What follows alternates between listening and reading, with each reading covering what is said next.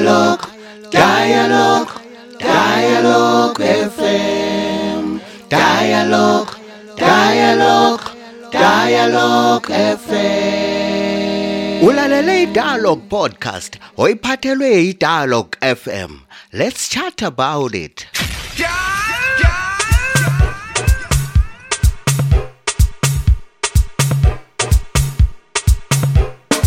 Yebo kambi yebo kambi yebo kambi kuhlangana ke ku podcast yakho ekhona phana ke siqhubekela phambili ke nge COVID-19 podcast podcast series kewe uluhlu ke oluphathelwa yithi kanye abangani bakho ngasonke isikhathi dialog f m ongakhohlwa phela kulula kuhlangana lathi lakho kuhlangana lathi kutwitter ke ihandle yethu isebenzisa yona leyana at dialog f m kufacebook ke sisebenzisa ke ibizo elifana nayo dialog f m la ku Instagram sikhona njalo sisebenzisa ke igama elifana nayo Instagram at dialog f m kanti ke indaba ongani nolimi lwami.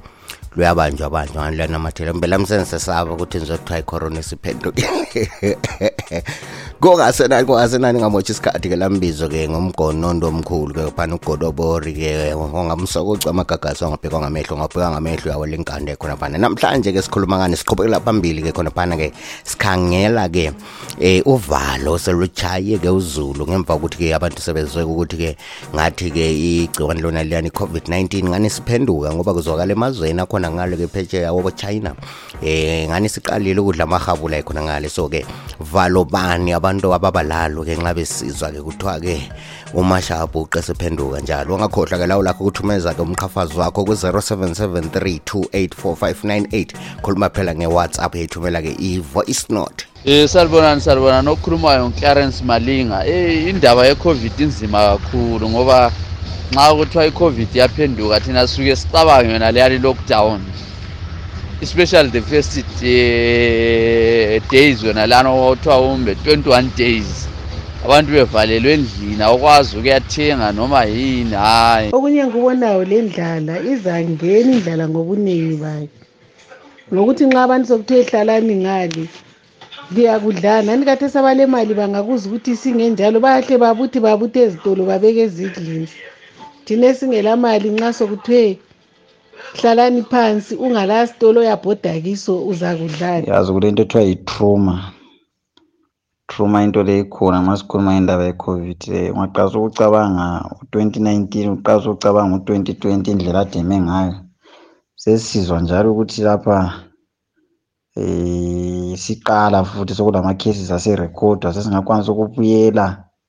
Kulowani umumo yazi ingqondo zingacabanga khona lokho vele uzogula so. Um sesicela nje ukubona laba ama-health experts lani lani ukuthi besibonise ukuthi um kuyini esingakuyenza ngoba impilo yeqakathekileyo.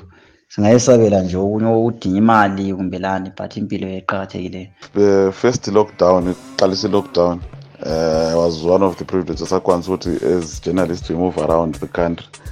Sasimove around. Engacinela khona engacinela empress empress mine. Ingapha endaweni zabogogo between gogo and kwekwe I, can't really pinpoint ukuthi kungaphi. Those places i-lockdown never existed. Kwakuyingani vele is a different part of the world. Nxa usuka laphana ungena njengasesilobelo usuka lapha ungadlule selento letho mission nxa ufika egweru uchaphe ibridge likagweru ungene e-ascot that's where you'll see the, the difference. Esilobela abantu abezihambe into othiwa yi-mask vele esilobela into eyayingaqoka ngesikhathi lesiya so kulezinye indawo that have not been covered in terms of yani education to law enforcement. Kakhulu iproblem yaba yi-fake news. Okobo-whatsapp lakubo-facebook sasithola abantu abaningi ababepheka indaba bapheke wena ama-states abo bese ukuthi nxa sokufika ebantwini abantu sebesithi into lezi antu yabona azisebenzi um mina engikhulumayo ngobuhle um mina i-covid yangi-affecta kakhulu izihlobo zami um 2020 ngangu-attachment so attachment yami angiqedanga ngokufanele it was supposed to be one year full so ngacina sengisenza eight months and u-eight months lezo sasesihamba kwama-days um ukuthi umuntu eh maybe kwenye igroup lihamba iviki kwenye igroup lingaka iviki ingahambi uhambi of which it was disturbing i-attachment yami ama imisebenzi yami le ngiyifunde. And futhi lemsebenzini phakathi kwasolama restrictions ukuthi maybe ehofisini asamele libe ngu-four kungaba liyabe limele lifunde eh, as a group. So kwangi-affecta kakhulu futhi kwangi-affecta futhi. Sokumele ngiqede um the following year somele ngiqede ikhosi yami angiqedanga. Ngaze ngabhala the the other following year futhi kwangilimaza kakhulu. Ukukhohlakala yikho kumemethisa kakhulu. Yebo ubhebhane lukhona kuyamemetheka but ukukhohlakala. Qinisweni babekhona babenikwa ama-exemption letters ukuthi hambani nihambani lenze njani.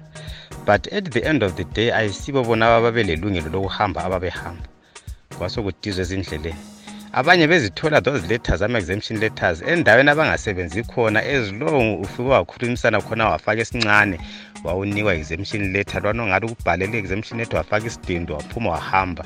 Yena ufake imali esikhwameni wena uhamba ngale. Lapho obuzwa khona ukhupha incwadi leyana vele abadinga okuningi sethi hhayi lo lelungelo lokuthi ahambe. Khona phana wahamba ungena endeni ezingayisizo ezingafanelanga. Uzala uthwala kuphela ubhebha igcikwane lolani ulise phambili lapho uyakhona mbula uphendukise endlini futhi lapho zakhona so ukukhohlakala kithi kwenziwa yisimo selizwe sakithi. Kukukhohlakala okwenzani okungenisa ebantwini kakhulu. At the end of the day isimo siyabuyela khona phana sizifake ezingozini impilo zethu lezi yes ama-lockdowns are helpful in prevention of the spread but sesikhangele elizweni lakithi ngesimo esikhona siphila ngokushikashika. Ukungena lapho ungene laphana uphume lapho ungene lapha. So kusuka kube nzima kakhulu kithi ezimpilweni zethu. Intuthu ushikashika kuthiwa lockdown kuvaliwe hlala endlini sokuphile kanzima. Ukuthi uhambe uyethola khona ukuthi uthole nje okokudla ukuthi uhlanganise lokhu lalokhu abantwana besikolo bafunde uncedise lapha lalaphana emulini nje ekhaya. Kusuka kube nzima kakhulu. So kudala ezinye ingxabano futhi phakathi kwezimuli. Personally I was running a shop in Gwanda. Um, those guys, I think there were gro- three groups. So um, that was a grocery shop, a small grocery shop. So the first time they came, Babefuna 50 runs. The second time, when they came, I think there were eight, eight per group. That means there were 24.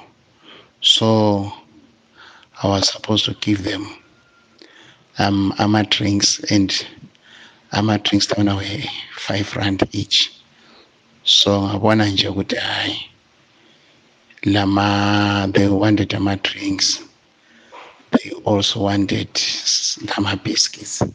So personally, I felt I I closed the shop because those guys were so ruthless.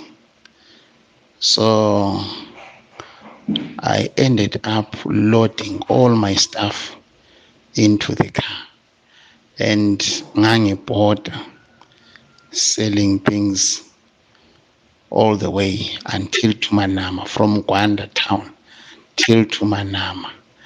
bamvima endleleni they will stop you. But fortunately i was the only ngangimi ngidrive imoto yami ile staff and i will say no ngile shop emakhaya.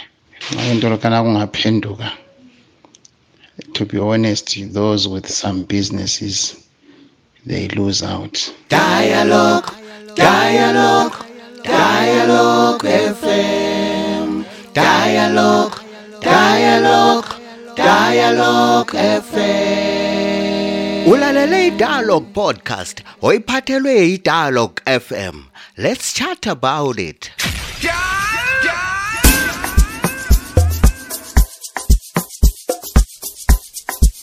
ke sesifike kwanqengetshe kuhlelo lwakho ke lwanamhlanje podcast akade uyiphakulelwa yithi abangani bakho idialogue FM ulakho kuhlangana lathi ke ku Twitter usebenzisa ke ihandle nelano @dialogue FM ulakho njalo kuhlangana lathi ke ku Facebook sebenzisa ke igama elifana nayo @dialogue FM ulakho njalo kuhlangana lathi ku Instagram lakhona ke sihamba ngegama elifana nayo o @dialogue FM nxa ufuna ukusithumela lawo ke voice note ke eh ku WhatsApp usitshela ukuthi wona valo bani olukuchayayo nxa usizwa kuthiwa ke COVID-19 isiphenduka isiphenduka kulula kakhulu. Inombolo ongayisebenzisa ku 0773284598 uthumele ke khonaphana i-voice note yakho kwi-inbox sokusela ke imi ke inyasarandala lakho apha edolbhenda kobulawayo ngitho kwanamhlanje kwanela sibuye sihlangane njalo ku-podcast elandelayo